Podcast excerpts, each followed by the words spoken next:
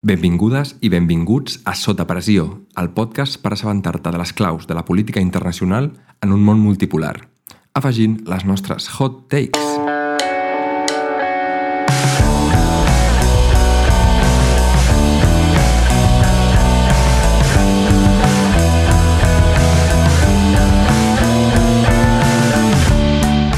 Soc en Joan i ara mateix us estic parlant des del futur. Us vinc a avisar de que aquest programa ha sigut extremadament accidentat i hem tingut moltíssims pro- problemes tècnics que inclús ens ha obligat a gravar en dos dies diferents i amb situacions molt diferents, en programes diferents. Ja veureu que s'escolta bastant pitjor a la segona meitat. Jo tampoc vaig poder ser-hi. En fi, tot i aquests problemes, us recomano, si us plau, que us quedeu a escoltar-lo sencer, perquè és extremadament interessant i molt, molt, molt recomanable. Res més, dit això, us deixo, us deixo amb el programa. I estem aquí una setmana més amb un programa realment especial. Sempre dic, quan tenim convidats, sempre dic que estic nerviós, però avui, avui ho estic especialment. Però els nervis no, no poden no, uh, ennubular la ment i, i me n'he de recordar de fer una mica de, de promo de les xarxes socials on ens podeu trobar. Estem a Twitter, arroba sota pressió, hi ha una petita novetat, que és que tenim el domini sotapressió.cat. Si ara busqueu al, a la barra del navegador sotapressió.cat, us portarà amb una, amb una pàgina on trobareu accés a totes les plataformes on ens podeu escoltar. Estem a YouTube, Apple Podcast, Spotify, Evox, en fi, ens podeu escoltar absolutament a tot arreu. Dit això, ja anem una mica per feina perquè la nostra convidada d'avui té una mica de pressa, però tot i així no podem trencar les tradicions del programa. Solem començar fent una pregunta xorra per trencar el gel i la pregunta d'avui és que quina, quina música us fa escapar de la realitat. Eh, què tal, Alberto? Hola, Joan. Bona nit, bona nit. Molt bé, molt bé. Això, Alberto, que quina música et fa escapar de la realitat? En aquests moments, la meva resposta no pot ser cap altra que Lana Del Rey, Chemtrails of the Country Club, que ha tret nou CD. Boníssim, boníssim, boníssim. No, no, no, uh, no, esperava, no esperava altra cosa Esclar. de tu, eh? Sí, sí, sí. Vinga. I love you, Lana. Jo me'l vaig escoltar ahir, però treballant i tal, i la veritat és que no vaig, no vaig parar l'atenció que requereix, però sí, sembla que està, que està molt xulo. I, bueno, però per què? Per què t'agrada tant? Per què transporta... Per què et fa oblidar el món i transportar-te d'aquesta manera? Uh, bé, té una gran capacitat ja des del començament de la carrera, no? De tenir aquesta mena de melancolia cap a coses que no has viscut. Aquest és una mica més alegre, també, o sigui, en comparació amb Born, um, Paradise Edition Born to Die, eh, però menys que Norman fucking Rockwell. El que té de bo és que ha, transmet en els moments aquests on has estat fràgil i tot i així ha sortit cap endavant. M'agrada molt aquesta mentalitat i eh, a- arreu d'aquest CD es veu molt. Mm, La veritat és que si, si té alguna capacitat aquesta dona és de transportar-te, no? Perquè només el títol, Chemtrails Over the Country Club, ja et transporta a, aquest club de camp amb els teus amics i tal. Sí, sí. Sí, sí, sí, Totalment genial. d'acord. eh? Per aquí també tinc, com sempre, en Calp. Què tal, Calp? Molt bé, bona tarda. Com esteu? Doncs molt bé. La mateixa pregunta. Quina música et fa escapar de la realitat?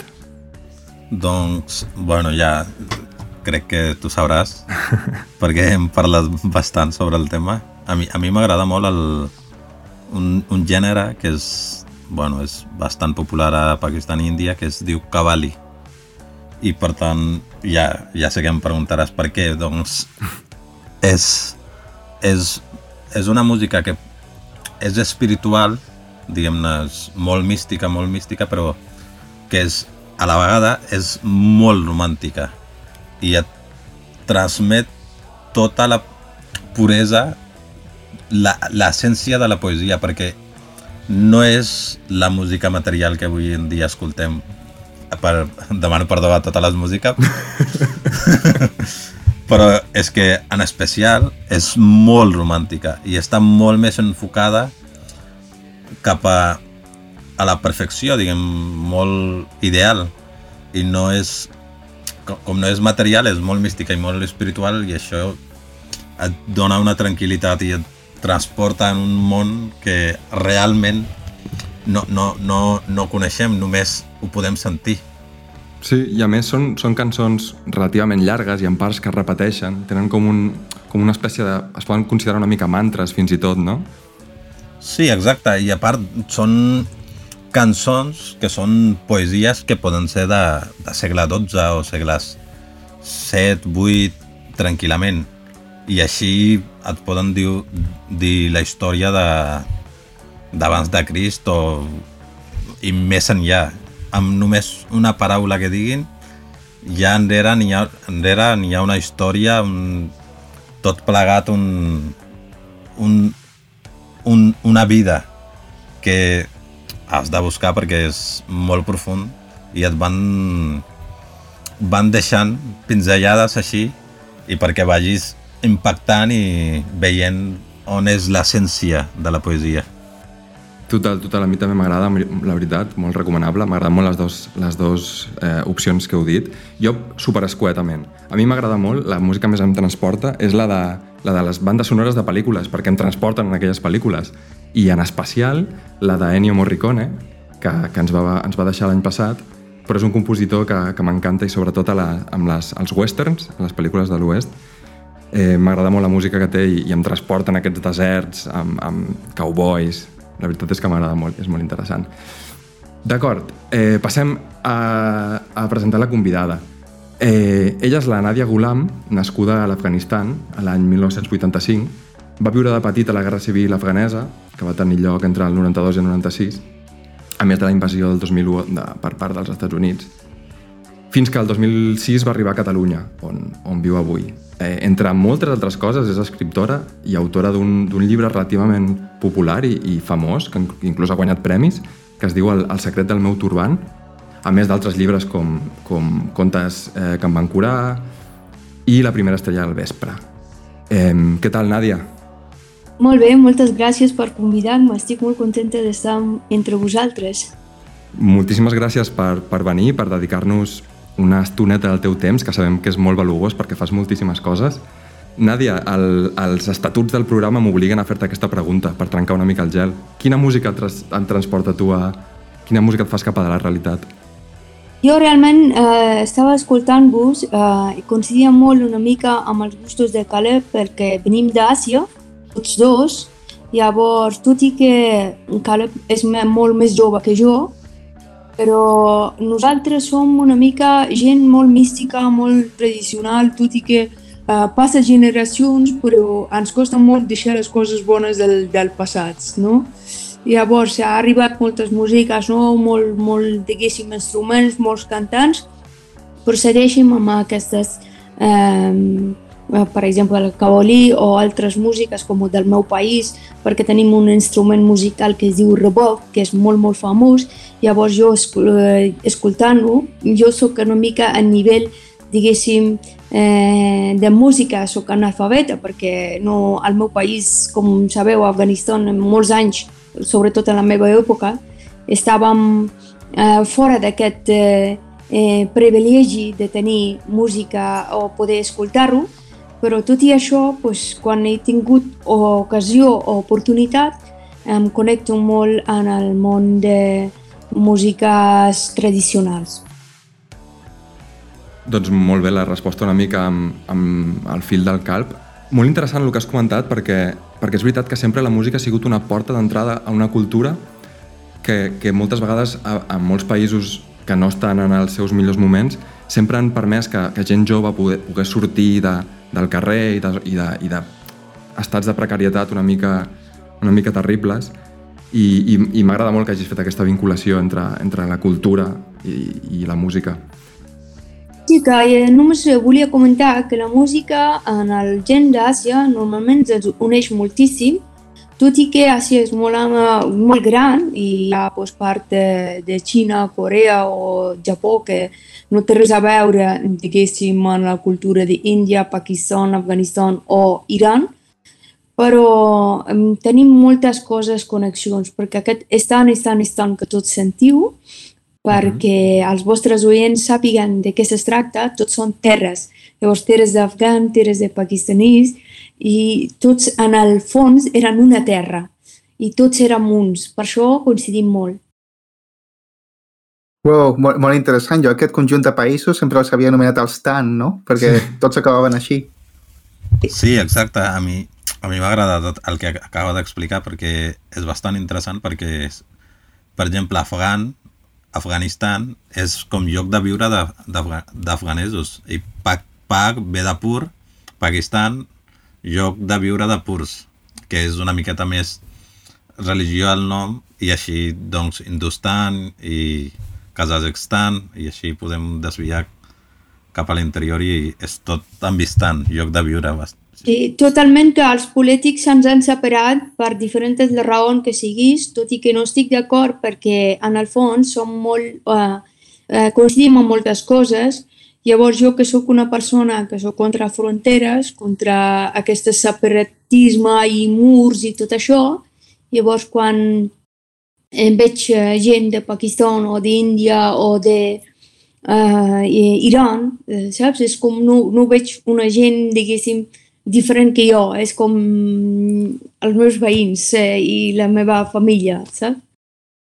Sí, a més, es, tots aquests països comparteixen una cultura que, que a vegades per ulls una mica estrangers costa de diferenciar. Quan, quan tu veus una taula amb menjar, una boda, sembla, no saps si és d'Afganistan, si és de Pakistan, si és de la Índia, tots tenen com un, un fil en comú cultural que, que els uneix, veritat? Sí, jo aquí he de dir que el menjar afganesa és molt bona, molt bona. No, no, no té res a veure amb, amb, amb, amb Punjab o el típic menjar que tenim, tot i que és, sembla molt, però és molt més ben feta o més natural. No li posen tant a condiments que, que es fan servir a, a Punjab i a Pakistan en, en general, però la, el menjar d'Afganistan és molt bona, molt bona. Perquè a nord de Pakistan, que on hi ha el, la frontera amb Afganistan, el menjar d'Afganistan i de que ara es diu Khyber Pakhtunkhwa, de fet, el nom prevé de, de Pakhtun, Pashtuns, que viuen en Afganistan i a Pakistan. Al crear la frontera es van quedar uns en Afganistan i altres en, en Pakistan. I per això dic que el, el menjar és, és bastant, bastant bo i la, la Nàdia ens pot dir molt millor sobre Pashtuns i, i la història d'ells. Eh, sí, sí, de veritat que eh, el nostre, diguéssim, cultura afganesa, tenim com a Catalunya hi ha dues llengües oficials, com català i a l'Afganistan doncs, estem dividits perquè hi ha com unes vintenes de llengües i diferents maneres de ser, costums, però eh, més oficials són dos, pastuns i tajics.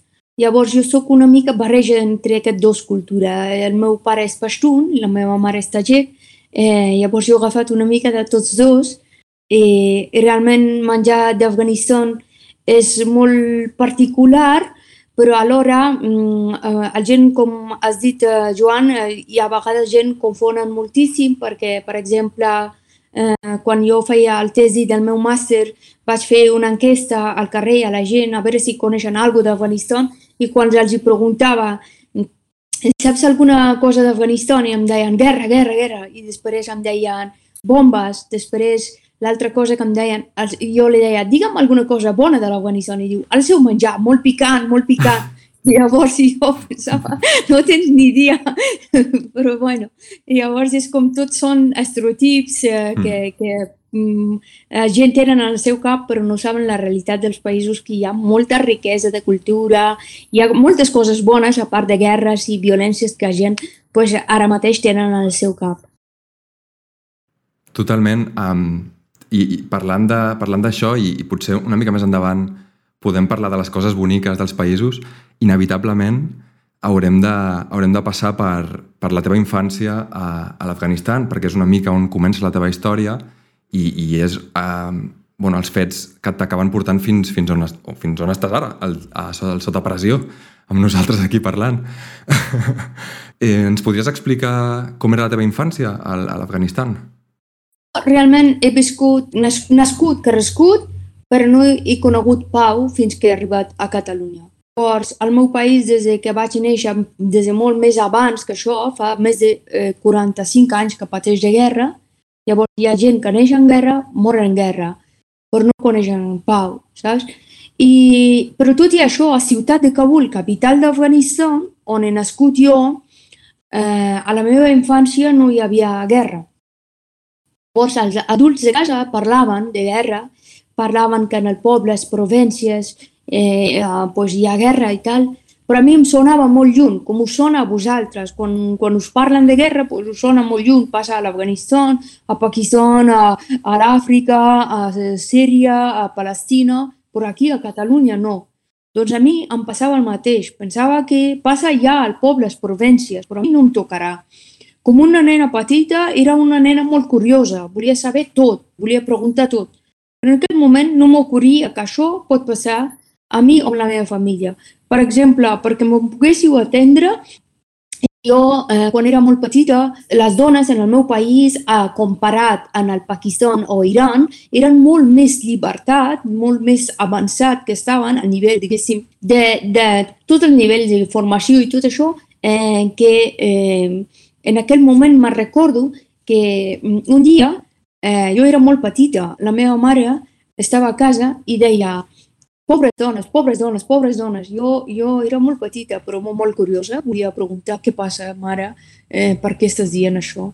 I la meva mare m'ha dit, no, Nàdia, tu no entens, tu no entens, perquè hi ha dones, eh, hi ha un país que obliguen totes les dones a anar amb una roba, eh, roba negra, tapar-se tot el cos i amb una roba negra.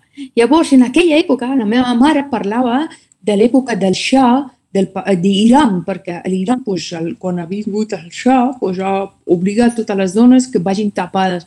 I la meva mare patia per aquelles dones d'un altre país, del costat, a Iran, però no sabia que en el seu país coses vindran pitjor.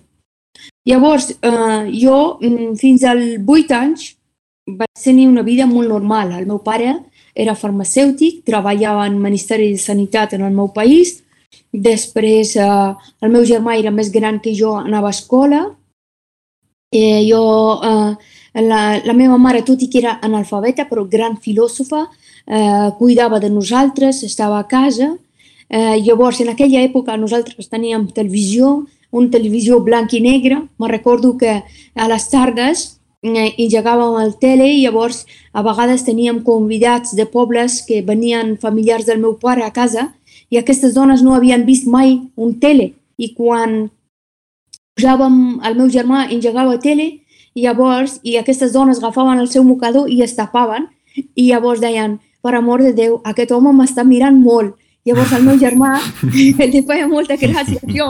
Llavors li deia, és que li agrades molt. Llavors ha aquesta dona, no, no, no, digue-li que tinc marit, que no em miri molt. I per nosaltres era tan divertit perquè la meva mare ria tant que li caïen llàgrimes de riure pensant que aquesta dona està té vergonya de, de, de, diguéssim, representant de tele. Sabia que un dia a nosaltres arribarà un moment amb tanta pressió, amb tantes eh, dificultats que, eh, que oblidem d'aquesta vida i que creiem que això que passa amb aquesta dona pues, és una vida normal com el nostre ha de ser així.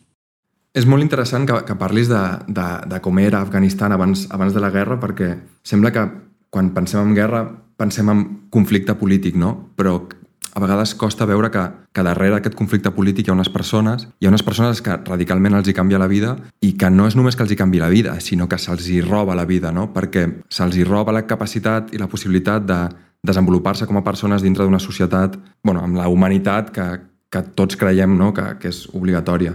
Uh, sí, és que eh, totalment d'acord perquè una de les coses que eh, jo sempre dic quan eh, estic en les meves conferències o en els meus articles, sempre menciono i dic la guerra no és que únicament destrueixi les cases, les escoles, els barris, la guerra destrueix la mentalitat de les persones, perquè les mateixes persones, després de passar la guerra, no es reconeixen qui eren i com són com per exemple la meva mare, no ha passat una generació al mig. La meva mare, abans de guerra, anava uh, amb minifalda eh, i llavors eh, eh, tenia la seva bossa, es pentinava els cabells i sortia com aquí, moltes dones ho, ho, ho van i no passa res. I era com una cosa normalíssima. I, I ara la mateixa dona, que ha passat una generació al mig, la mateixa dona es porta burca i és tan vella que no pot caminar i, no, i a, la, a la burca li cau com una tenda a sobre que no, no, no pot aixecar-se, però li dic, mare, però tu ets una dona molt gran ara i ningú et dirà res si surtis sense burca, només amb un mocador ja tens suficient. I diu, no, no, no, no em diguis això, eh, perquè m'aniré a l'infern. Llavors, la mateixa dona que en aquella època ria a l'altra dona perquè deia perquè té por de tele. I ara és la mateixa que no vol ni escoltar la ràdio perquè li han posat tanta pressió, tanta pressió que no se recorda del seu vida passat.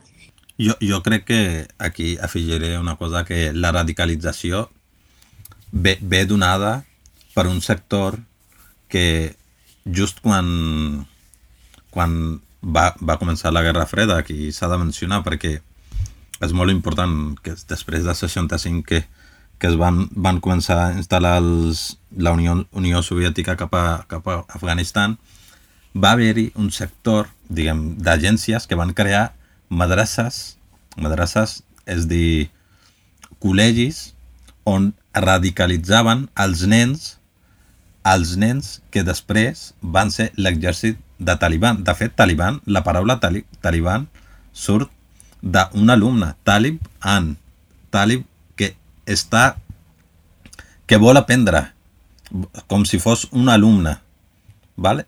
I, clar, van, van crear una generació radicalitzada i això ha fet, en el temps de guerra, això era el que volien les, les agències profundes, que es canvi la mentalitat. Quan més, més radicalitzat siguin la gent, és més fàcil canviar la mentalitat de, del, del, i imposar la, la seva mentalitat a, la, a les altres gent. Això és el que Nadia ha comentat i això és el que han viscut les, les generacions d'allà i, i concretament la seva mare. Les madrasses no tots són dolentes.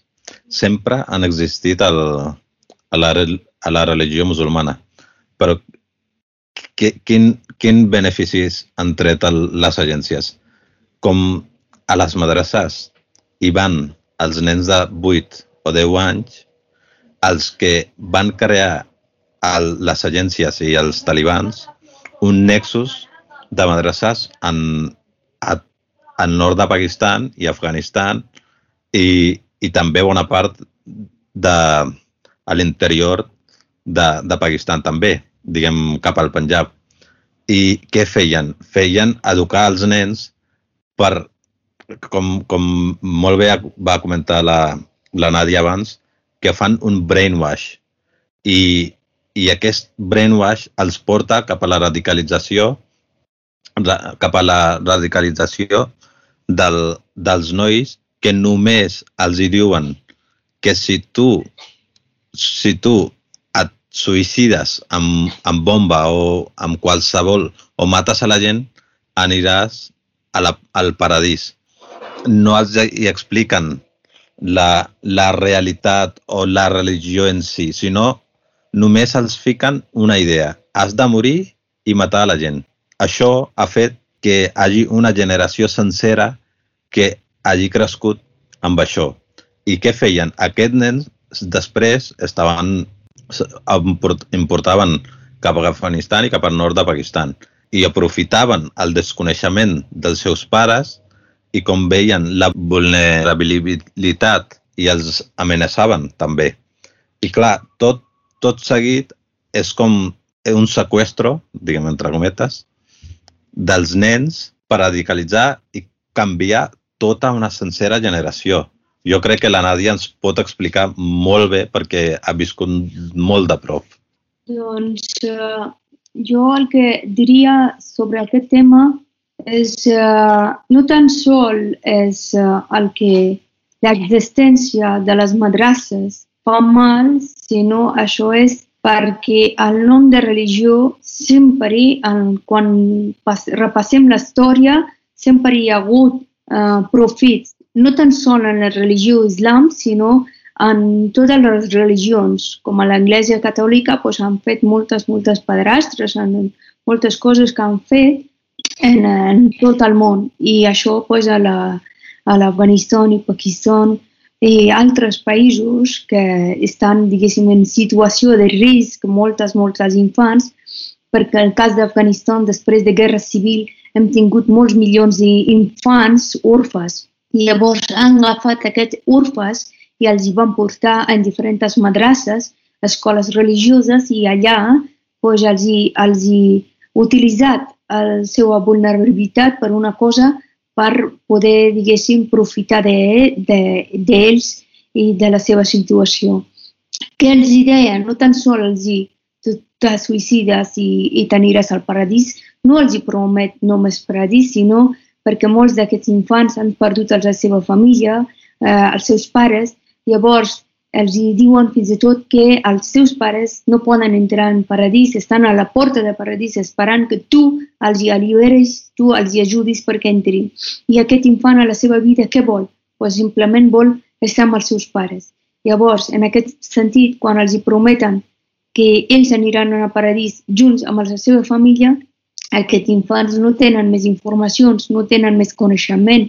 Llavors, eh, accepten aquestes condicions i això és molt trist, però està continuant sent molt. Uh, fa poc uh, vaig veure un reportatge um, de Deutsche un programa que estaven fent en el Pakistan, que molts infants del nord de l'Afganistan anaven allà i uh, estaven en condicions extremes. La majoria d'ells eren de 6-7 anys.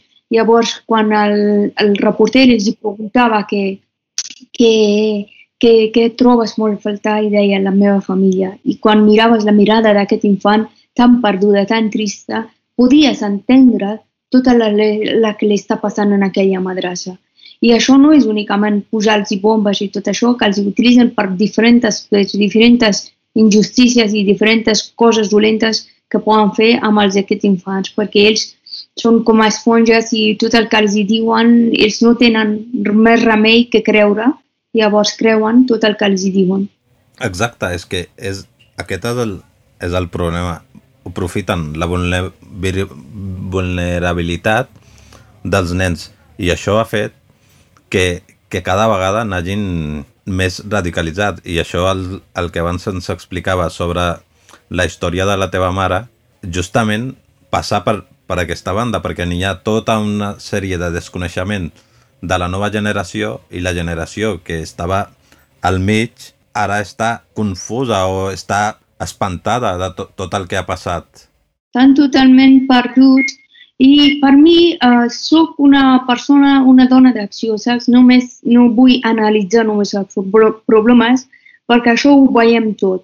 Per mi el resultat de poder evitar aquesta desgràcia, aquests problemes que uh, no només afectarà l'Afganistan, Pakistan, sinó en general afectarà tot el món, perquè és un tipus de virus que els hi col·loquen en el seu moment i pot arribar a qualsevol rincó del món. Per tant, per poder evitar això, que necessitem? Pues una educació que no sigui únicament religió, que puguin tocar tots els materials, que tinguin llibertat d'aprendre. En el, en el meu país, pues, eh, no sé, el cas de Pakistan desconec, però a l'Afganistan en concret, moltes vegades les educacions obligatòries són allò que t'ensenyen i tu no pots tenir criteris, tu pots dir això eh, jo penso que és d'aquesta manera. Si et diuen és blanc o negre, doncs tu has d'acceptar tal com et diuen. I no pots anar a classe, pots analitzar i, i pots, pots dir el teu, pots criticar. Això no pot ser. Llavors no és educació en llibertat. Educació és, és imposar una cosa allà perquè tu aprenguis tal com ensenya. I per poder evitar això necessitem molta, molta educació en valors, educació en la llibertat, en el que els hi doni als infants capacitat d'analitzar, criticar i pot dir en el seu. Perquè en moltes, moltes cultures, com en el, moltes ciutats de l'Afganistan, doncs fins i tot ens, en els nostres pares ens els hi han col·locat en els seus ments que, que perquè el teu fill pues, o la teva filla sigui una persona que, que en el futur eh, pues, segueixi els teus camins, és que eh, tot el que tu diguis és sagrat. I clar, no és sagrat, perquè moltes vegades els nostres pares s'equivoquen, moltes vegades pues, els grans s'equivoquen, però nosaltres hem de tenir la nostra criteri. Nosaltres podem dir això és correcte, això no és correcte, perquè no n'hi ha un fórmula en la vida, no n'hi ha uns pares que tinguin un fórmula concret perquè diguin això hem d'aplicar amb tots els infants. Cada infant és un món, cada família és un món, per tant, eh, aquella família que deixen els seus eh, fills i filles que tinguin una capacitat de eh, d'analitzar i deix, deixar-los que ells diguin el seu opinió, eh, allà arribem en un sentit que el món pot avançar i desenvolupar eh, correctament.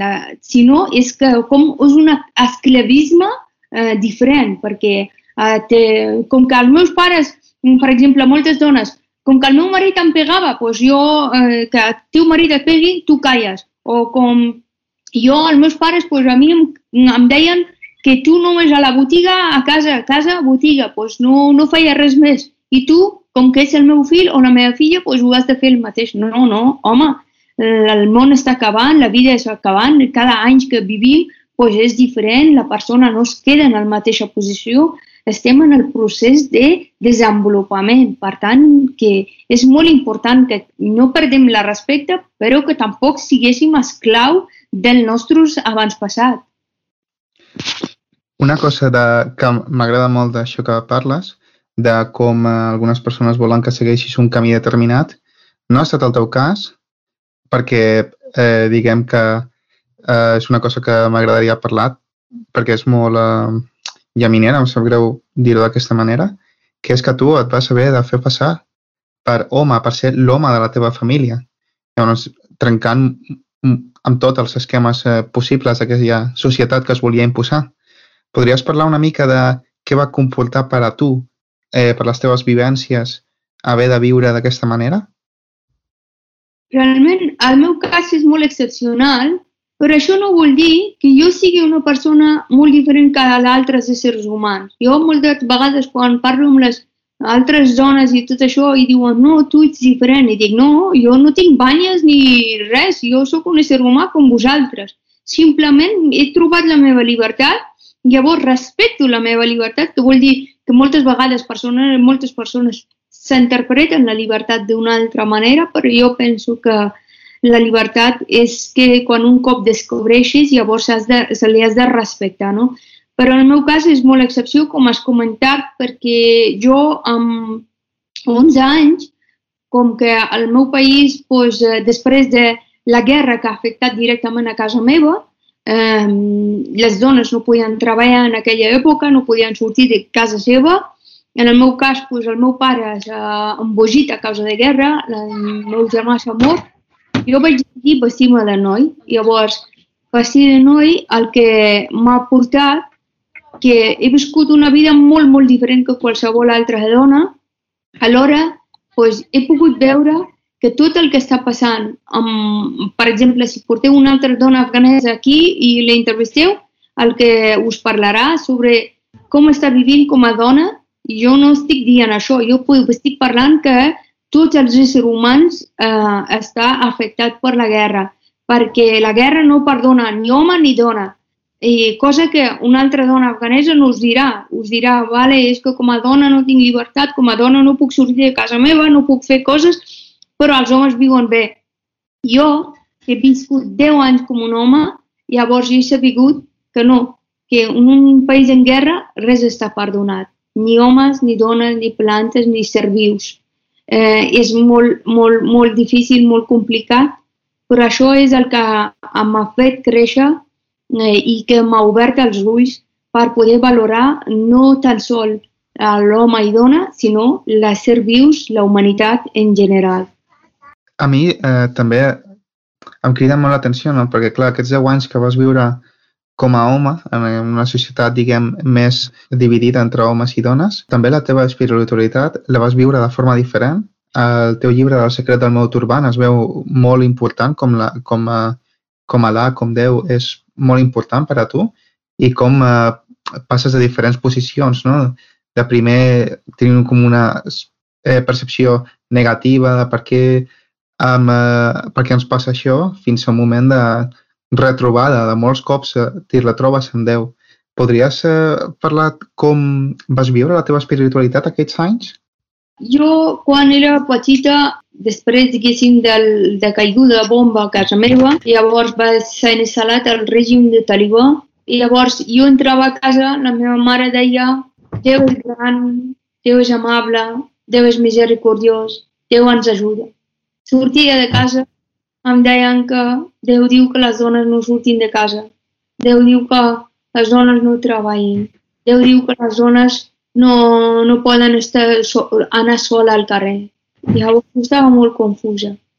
Estava molt confusa, tenia 10-11 anys i no entenia perquè deia o la meva mare m'està mentint o eh, el Déu realment és dolent o és la gent que estan mentint.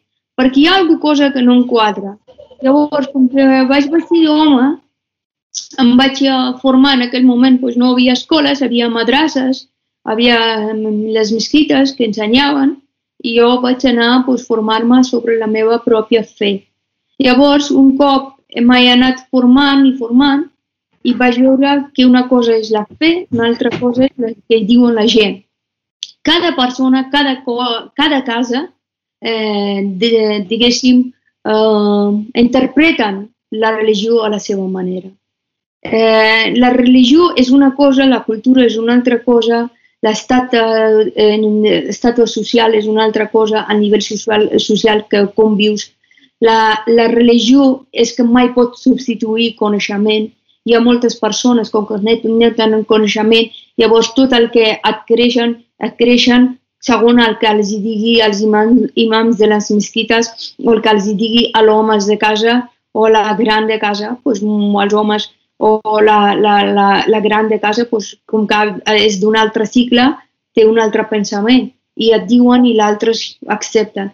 En el meu cas, doncs, he anat aprenent moltíssim, més que mai doncs, soc una persona de fe i religiosa, però tot el que estan fent la gent no ho accepto. Per exemple, és cert, en el meu país jo cinc vegades al dia eh, resava i no, no, no hi havia un dia que em faltés llegir el nostre llibre sagrat o que anés a la mesquita. Però ara és aquí, no, jo no, no llegeixo tantes vegades la meva, el nostre llibre sagrat, sinó altres llibres per adquirir el meu coneixement, per respectar la meva fe. No rezo cinc, cinc vegades al dia, però el que tinc més, més present al meu Déu que abans. Abans vaig néixer en una família musulmana i llavors em van posar el nom de musulmana perquè ells ho han cregut que la seva filla sigui musulmana. Però ara sóc musulmana perquè vull ser jo musulmana, saps? Jo vull se creen. Llavors jo vaig valorar més la meva fe, mm, diguéssim, conèixer profundament la meva fe quan un cop vaig arribar a Catalunya perquè ja vaig adquirint informació i tot això, veia que cadascú diu una cosa diferent, una interpretació diferent, però quan vaig arribar aquí vaig eh, conèixer la gent aquí i he anat estudiant i aprenent, llavors vaig veure que no, que que realment és que la, la fe no és el que et vol fer mal, és les persones que estan fent molt mal i el nom del fe, el nom de religió. Uh, una mica per, uh, per parlar de com, uh, com vas uh, acabar aterrant a Catalunya, uh, diguem que va haver-hi un procés el 2001, que va ser la invasió de l'Afganistan per part dels Estats Units, que va portar a que molts occidentals tornessin a entrar al país, perquè clar, amb el tema dels talibans hi havia eh, molt, poc, eh, molt pocs incentius per anar-hi i llavors t'hi vas trobar amb tota mena de gent, no? amb tota mena d'occidentals, alguns de bons, altres que només volien fer caixa amb la teva història. Podries dir quines van ser les teves primeres experiències amb els occidentals i més o menys quina imatge t'hi feies d'ells? Perquè hi ha, això que he comentat, hi ha molts que van fer molts calés eh, servint-se servint de tu. Jo, um, com que us he dit que he anat descobrint molta gent que el nom de religió s'aprofitaven i tot això, llavors també havia agafat molta mania pensant que pues, el gent del meu país menteixen, aquesta gent el nom de l'islam menteixen i ens estan prenent el pell, però els occidentals no són així. Els occidentals no menteixen, són molt bones i som nosaltres que mentim i estem fent mal, però ells no. Per un cop el món occidental ha arribat al meu país, vaig veure què significa estar sota de les seves càmeres de fotografies i escoltant mil promesos que et feien i després, quan un cop aconseguien el seu objectiu, ja desapareixien de la teva vida per sempre. Eh, vaig veure que ells també menteixen, entre ells també doncs, hi ha gent molt bones com els meus pares catalans que em van acollir. I també doncs, molta gent que només de la meva història o de la situació de la meva vulnerabilitat doncs, es profitaven si jo sortia de sota les seves càmeres amb unes miques llàgrimes als ulls, encara encara la meva foto era interessant, però que no, no els importava la meva vida, ni la meva dignitat, ni la meva història, simplement eh, el que, que, que podien guanyar ells. Sí, en, uh, per sort o per desgràcia, eh, aquestes, aquesta vida a mi m'ha obert molt els ulls.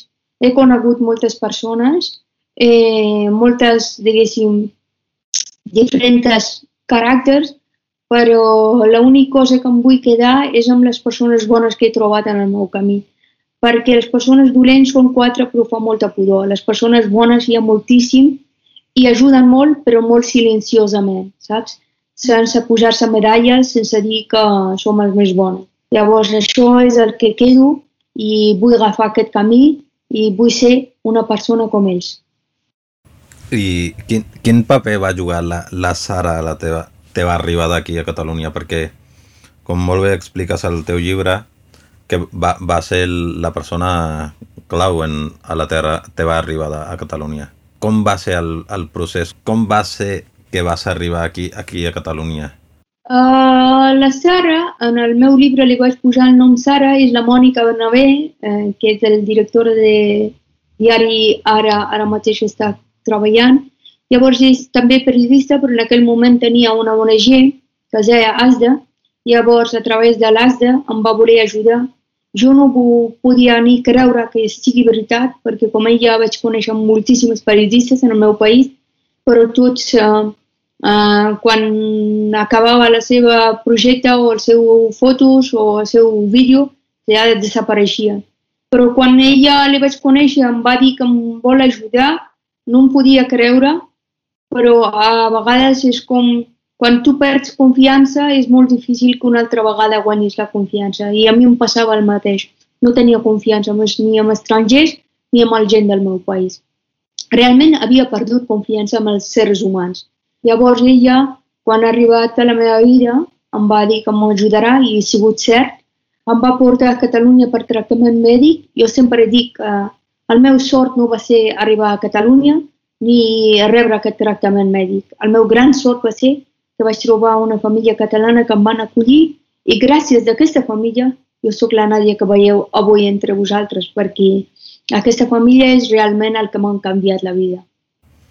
Ha de ser bastant complicat per als teus pares perquè acollir un, una persona amb 21 anys requereix un, un esforç i clar, perquè ja tenies un, una consciència desenvolupada i com, com, com vas poder adaptar amb ells?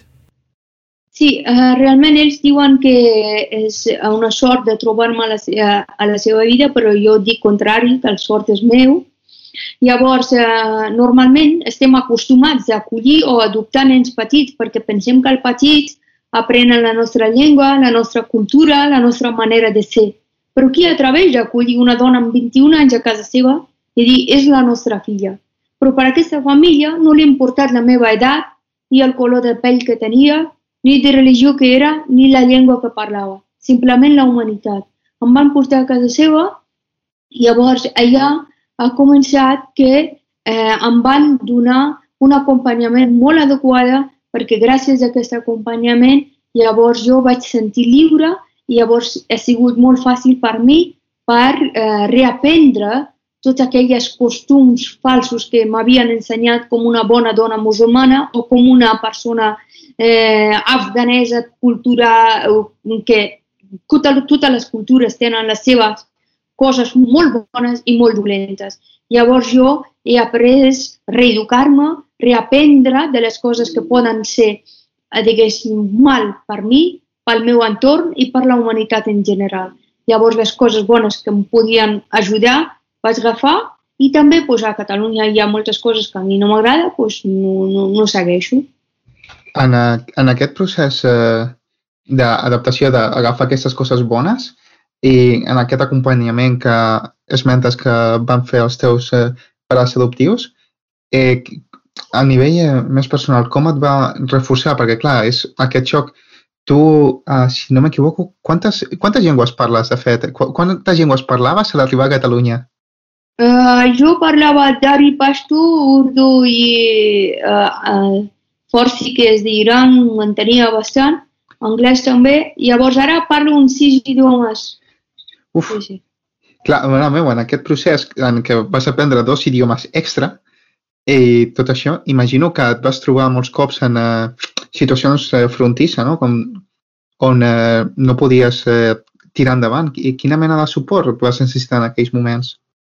Jo, per exemple, en relació de la llengua, perquè jo vaig començar a aprendre una mica de castellà, però vaig veure que la meva família d'acollida parlava en una altra llengua que no entenia jo.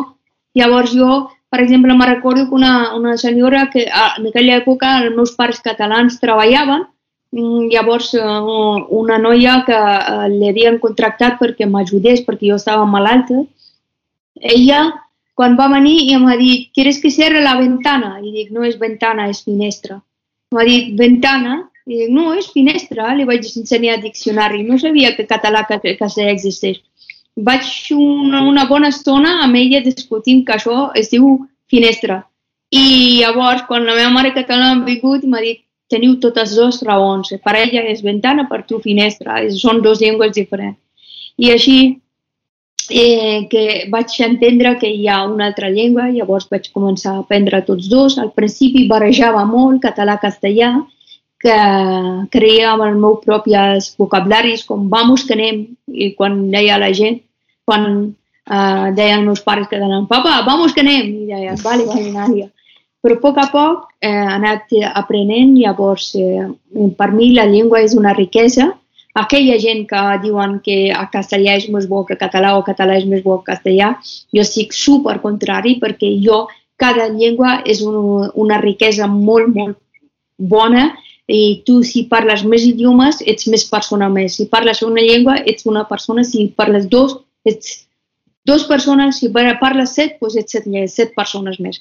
Que és, és una riquesa espectacular sabent llengües, llavors per mi no n'hi ha, no ha que un sigui millor que l'altre. Però ara, ara m'agradaria comentar, per com molt bé expliques en el teu llibre, fins a 16 anys no havies estudiat, eres analfabet amb salvar les, les distàncies.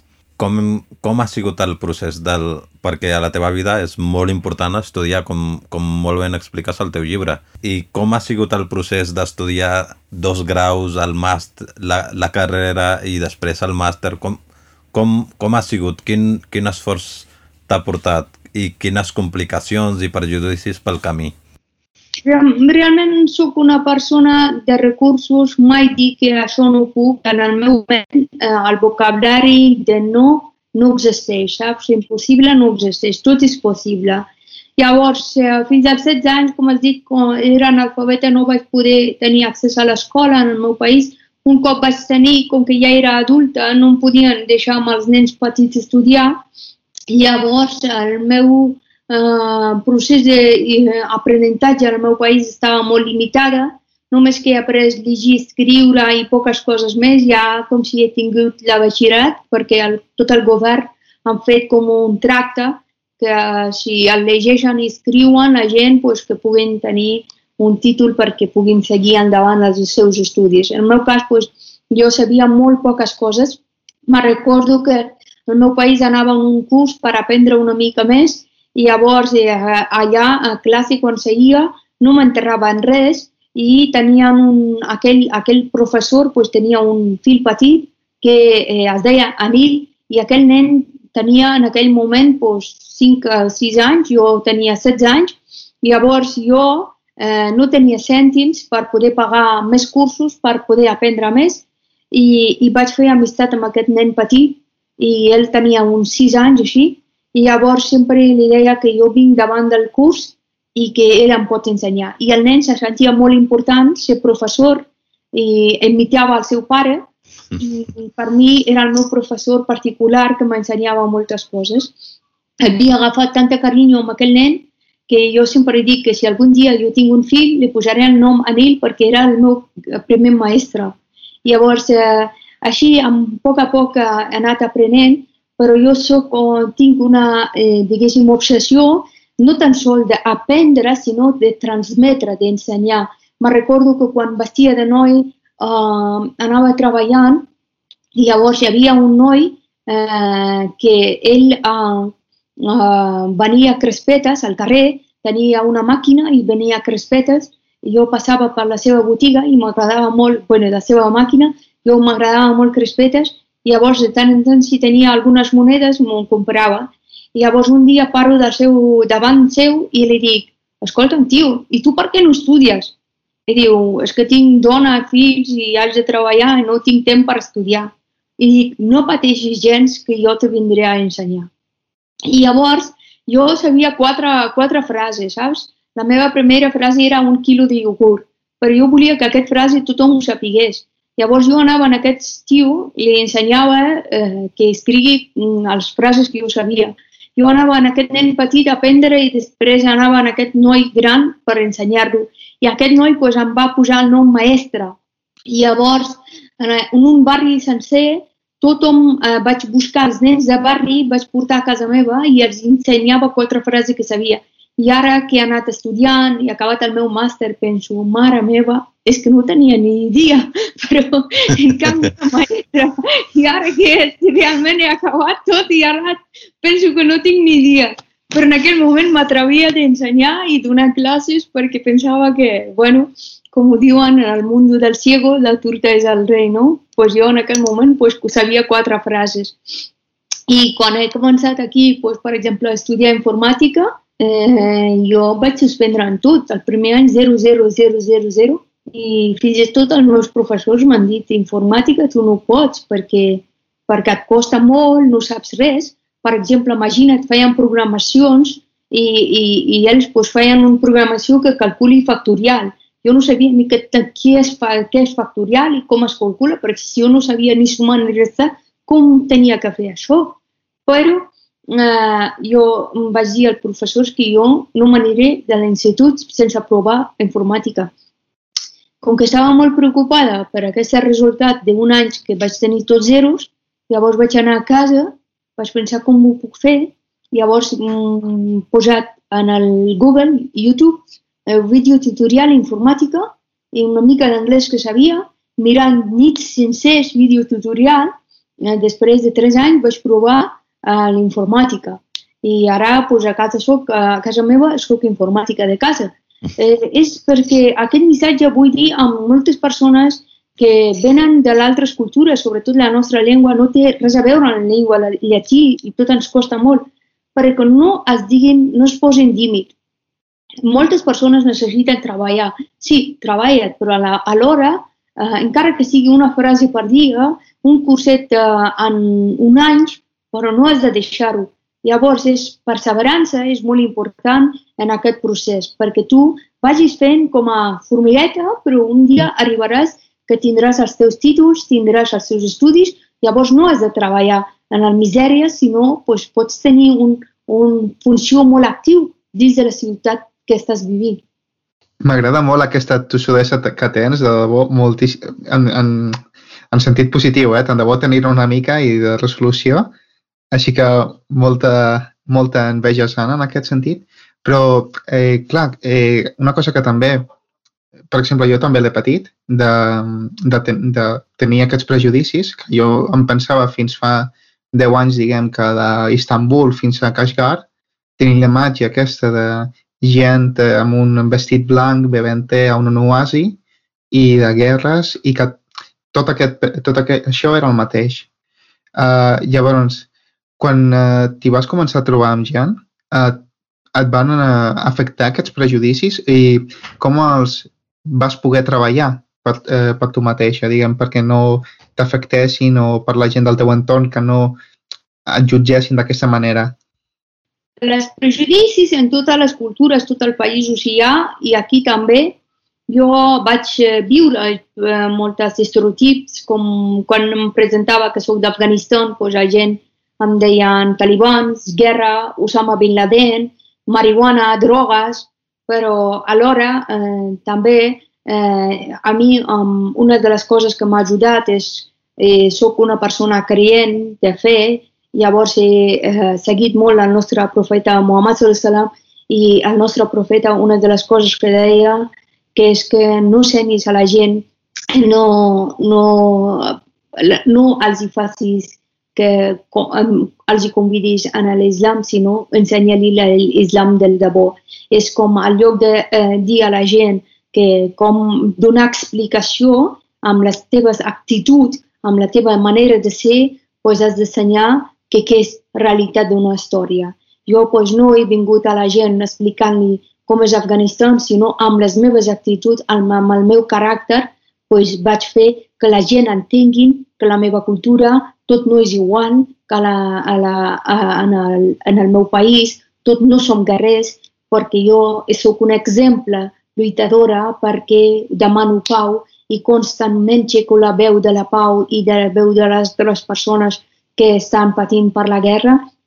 Per tant, jo no vull explicar a la gent com és uh, la realitat del meu país, jo a través de les meves accions. Llavors, cada dia que em llevo, jo dic què puc fer en aquesta societat, què puc fer pel meu entorn perquè aquesta imatge amb pols que tenen sobre el meu país, que és molt borrós, no veuen la realitat, no veuen llum, que entri llum i que puguin veure la veritat. Llavors, jo ara a cada poble, avui estava esmorzant amb uns veïns meus i, i, i em deien que tu tens molta família a Catalunya.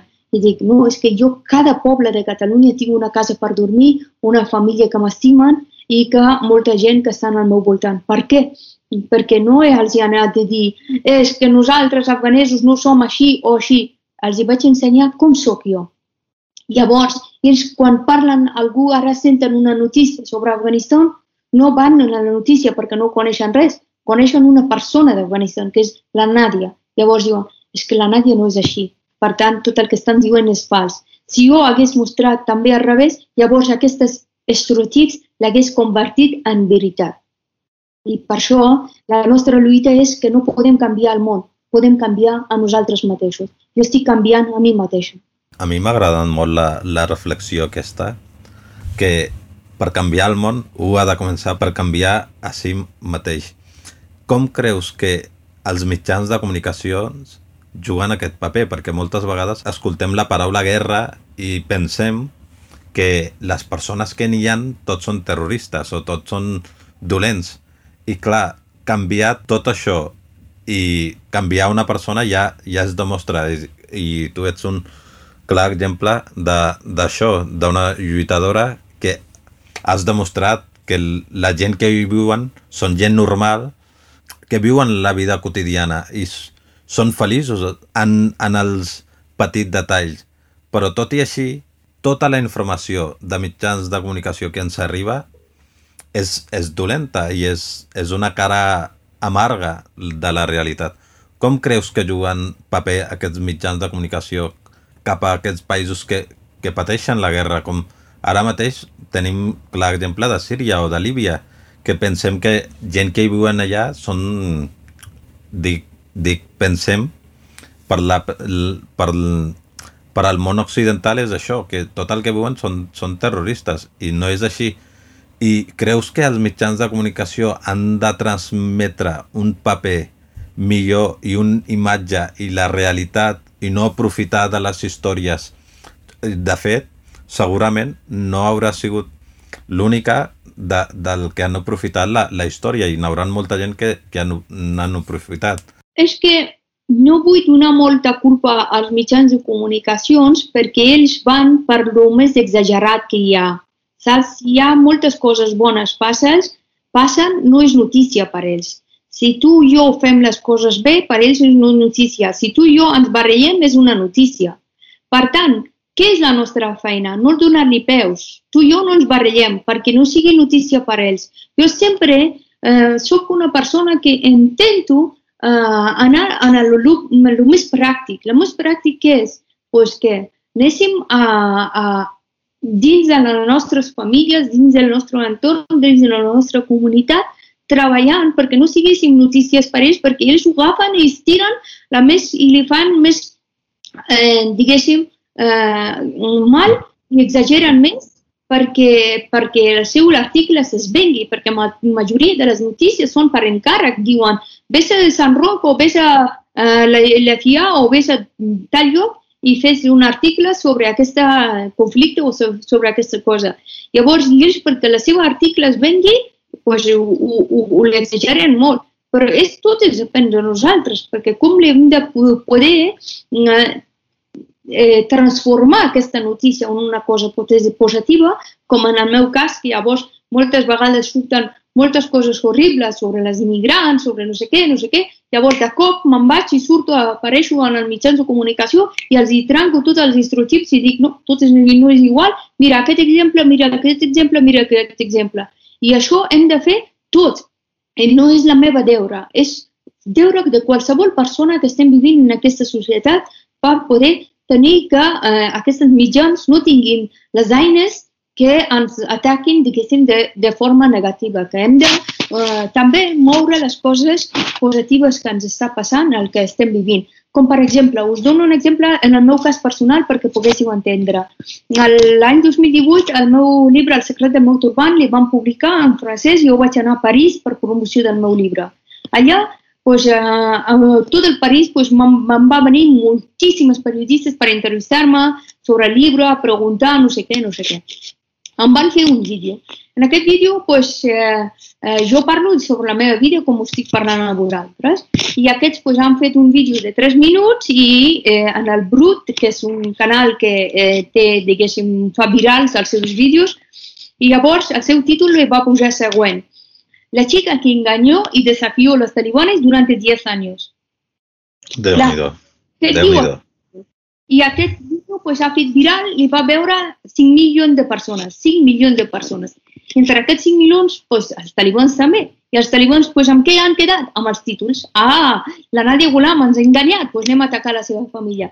Què ha passat? Que en, aquest, en canvi, pues, jo he fet moltíssims vídeos més, moltíssimes eh, eh, notícies més perquè, perquè ho vegin que la Nadia Gulam no és perquè tingui intenció d'enganyar ningú, és que és un supervivent nata, és simplement vol sobreviure i ajudar la seva família i el seu entorn, que no té intenció de ni enganyar ningú ni profitar de ningú, simplement és una persona que les té les seves idees clares, llavors lluita perquè hi hagi pau en el món perquè no hi hagi injustícies, perquè no hi hagi violència, no discriminació, perquè, per, per colors de, de pell que siguin, per la religió que siguin, llengua que siguin.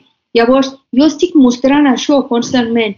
Eh, I el que diuen, diuen, en aquest canal que diuen, molta gent em diuen, per què no li denuncies? Per què no agafes un abogat? I dic, no, no, com aquesta cosa m'han fet milers, però això no li dona importància. Si li dona importància, aquest gent encara tindran més seguidors pues jo no li he donat importància.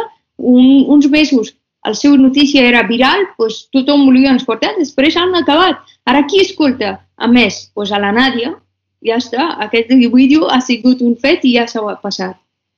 Exacte, és que a mi m'han posat els pells de punta, és que és com, com enganyen només per, per guanyar els clics a, a l'internet i per tenir més audiència i no saben les conseqüències que pot generar només un títol i s'ha de dir has fet perquè la bola de neu no és faci gran i a revertir la situació i explicar tot el que havien publicat malament i anar en contra i no barallar-se amb ell, sinó donar explicacions i fer, fer tot el contrari que ells volen fer.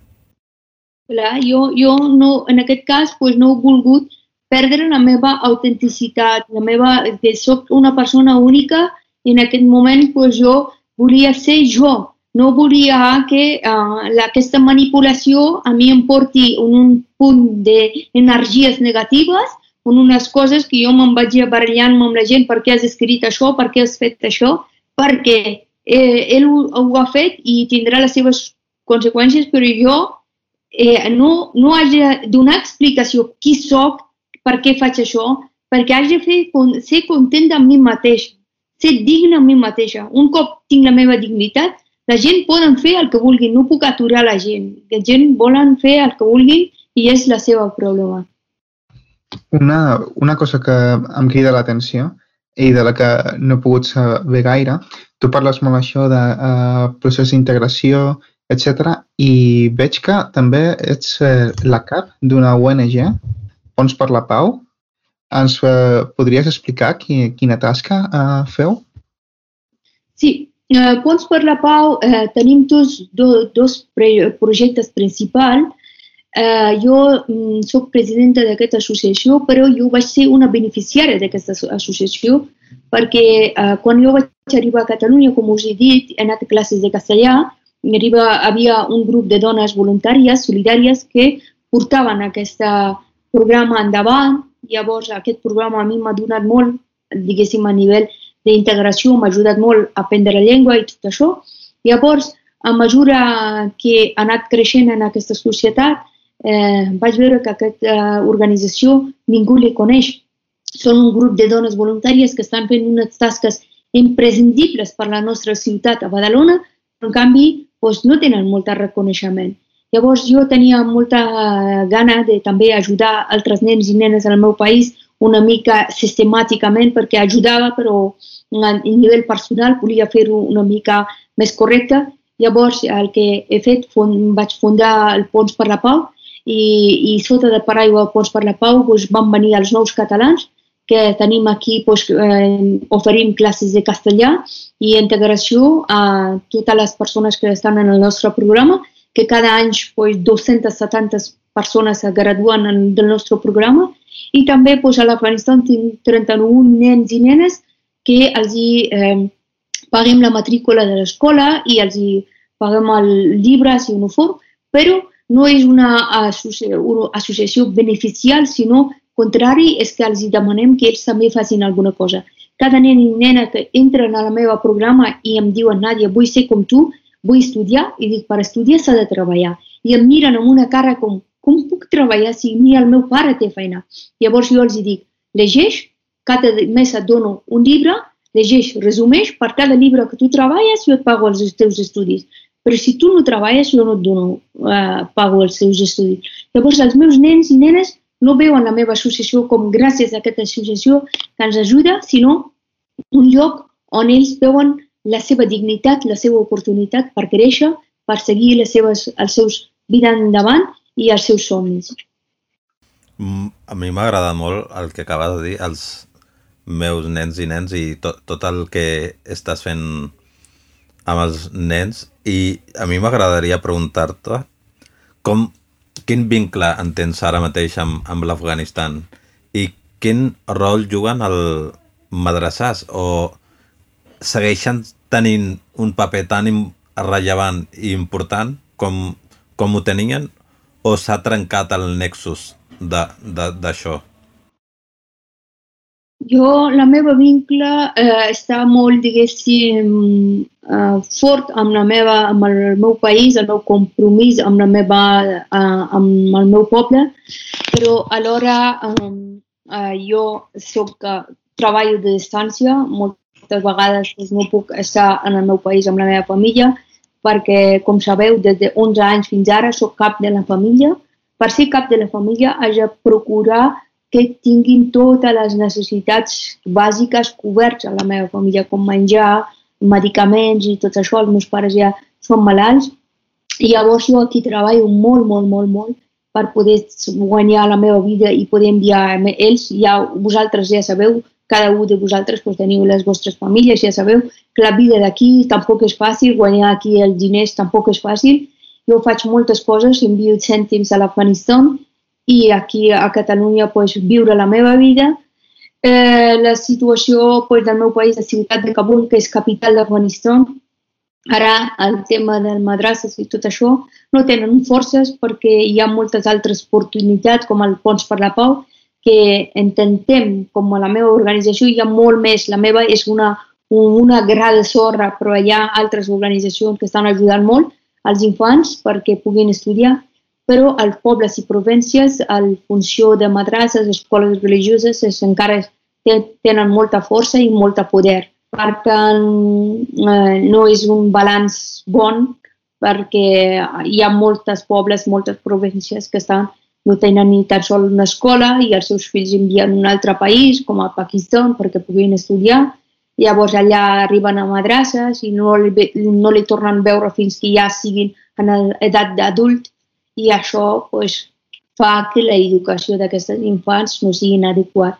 Però tot i això no perdo l'esperança i penso que tard o d'hora arribarà a pau, però moltes vegades de moltes escoles que aquí el secret del meu urbà és escola mm, com un llibre obligatori per llegir, quan me'n vaig a fer conferències els demano als nens i nenes que no cal que anessin a Síria a ajudar Palestina, a l'Àfrica o a l'Afganistan, dins del seu país hi ha moltes feines per fer, moltes coses per fer, sobretot la consciència és molt important, que siguem conscients que Espanya és el sisè productor més eh, gran de les armes en el món i que mentre hi hagi armes, doncs les conflictes seguiran. Si uh, avui és a l'Afganistan, demà passarà a un altre país. Per tant, hem de procurar ser conscient de què consumim, què fem, com anem, amb quines persones parlem, perquè tot això té un efecte en aquesta planeta. Una, una pregunta bastant compromesa. Jo crec que el, a la situació actual no és... No, no podem comparar amb una guerra. El, avui en dia el, la, el tema de salut mental està bastant en les notícies. Com ho recomanes que s'ha de lluitar contra això? Perquè clar, ha de ser mentalment una persona, has de ser molt i molt, molt potent perquè no caiguis al, a l'ansietat o a la depressió, perquè avui en dia si el, ens tanquen dos mesos ja caiem a la depressió. I estar en els talibans i estar lluitant constantment tota la teva vida, que, quin consell donaries sobre que la gent que no els afecti tant la salut mental? Uh, consells, uh, jo realment, uh, qui sóc jo per donar consells si sóc una persona, un pacient de sa salut mental? Per tant, una de les coses molt importants que jo dic és que um, el que està passant amb coronavirus i pandèmia mundial i sobretot a les a que estem a Catalunya que vivim no té res a veure, un país en guerra, al meu país 80% de població estan patint de salut mental. D'alguna manera doncs, estan, estan molt afectats, però molt. I quan la gent aquí em diuen que han caigut sota depressió perquè el confinament els ha afectat o el coronavirus o el que sigui, eh, deixant, diguéssim... Eh, Salvant les distàncies, no? Distància i molta respecte a les persones les famílies que han perdut membres de la seva família per coronavirus, és que aquesta mort per mi és, no té res a veure amb el mort violent que passa durant la guerra, que tu surts de casa teva i per camí et maten i no, no, no pots ni despedir-te a la teva família, que aquí almenys pues, podies trucar a la teva família i despedir uh, si estàs a l'hospital i les coses. Que no, que no dic que cap mort sigui més bona que l'altra, però la guerra i la, la situació que provoca el meu país és que és molt brutal, és molt, molt dolent, és molt agressiu. Llavors, a mi, eh, eh, quan parlen de salut mental i tot això, jo penso en el gent del meu país i dic és que no, no té res a veure. Ah. Però també com a educadora social sé que la meva problema per mi és molt gran i la teva és per tu molt gran. Per tant, respecto a tothom i tinc molt respecte a les persones que se senten en depressió aquí per aquestes uh, raons, però també això no justifica que un altre país pues, passi molt més malament a causa de guerra i tot això, que hem de ser conscients. Sempre parlo de consciència perquè és molt important per actuar després eh, en les seves conseqüències. Molt maco. Uh, per la D'això també molt maco el que ha comentat en Joan, de com uh, la guerra ens afecta a tots i hem de curar de guarir- guarir-nos al cap i a la fi entre nosaltres. Uh, he de dir, Nàdia, que moltíssimes gràcies uh, per venir. Ha estat uh, un plaer, he après moltíssim i sobretot llegint uh, els teus escrits és uh, un exemple de persona, no, no dic tant de per la guerra, sinó com de caràcter. De debò que eh, m'encanta aquest, aquesta tossudesa que tens. Eh, Soc un, un fan. Moltes gràcies, moltíssimes gràcies. Moltes gràcies, Nàdia. Moltíssimes gràcies, Nàdia. Moltíssimes gràcies per, per haver estat amb nosaltres i per transmetre aquesta vitalitat que, sincerament, a mi em resta anys de vida. Jo em sento més jove després d'haver passat aquesta estoneta. Gràcies a vosaltres, us desitjo molta sort. I també donar les gràcies a l'Alberto i en Calp una vegada més per, per estar aquí i per currar-se aquest tros de programa. Moltes gràcies. I ens veiem la setmana que ve. Adeu! Bona nit. Bona nit. Adéu. Bona nit, Joan. Petonets.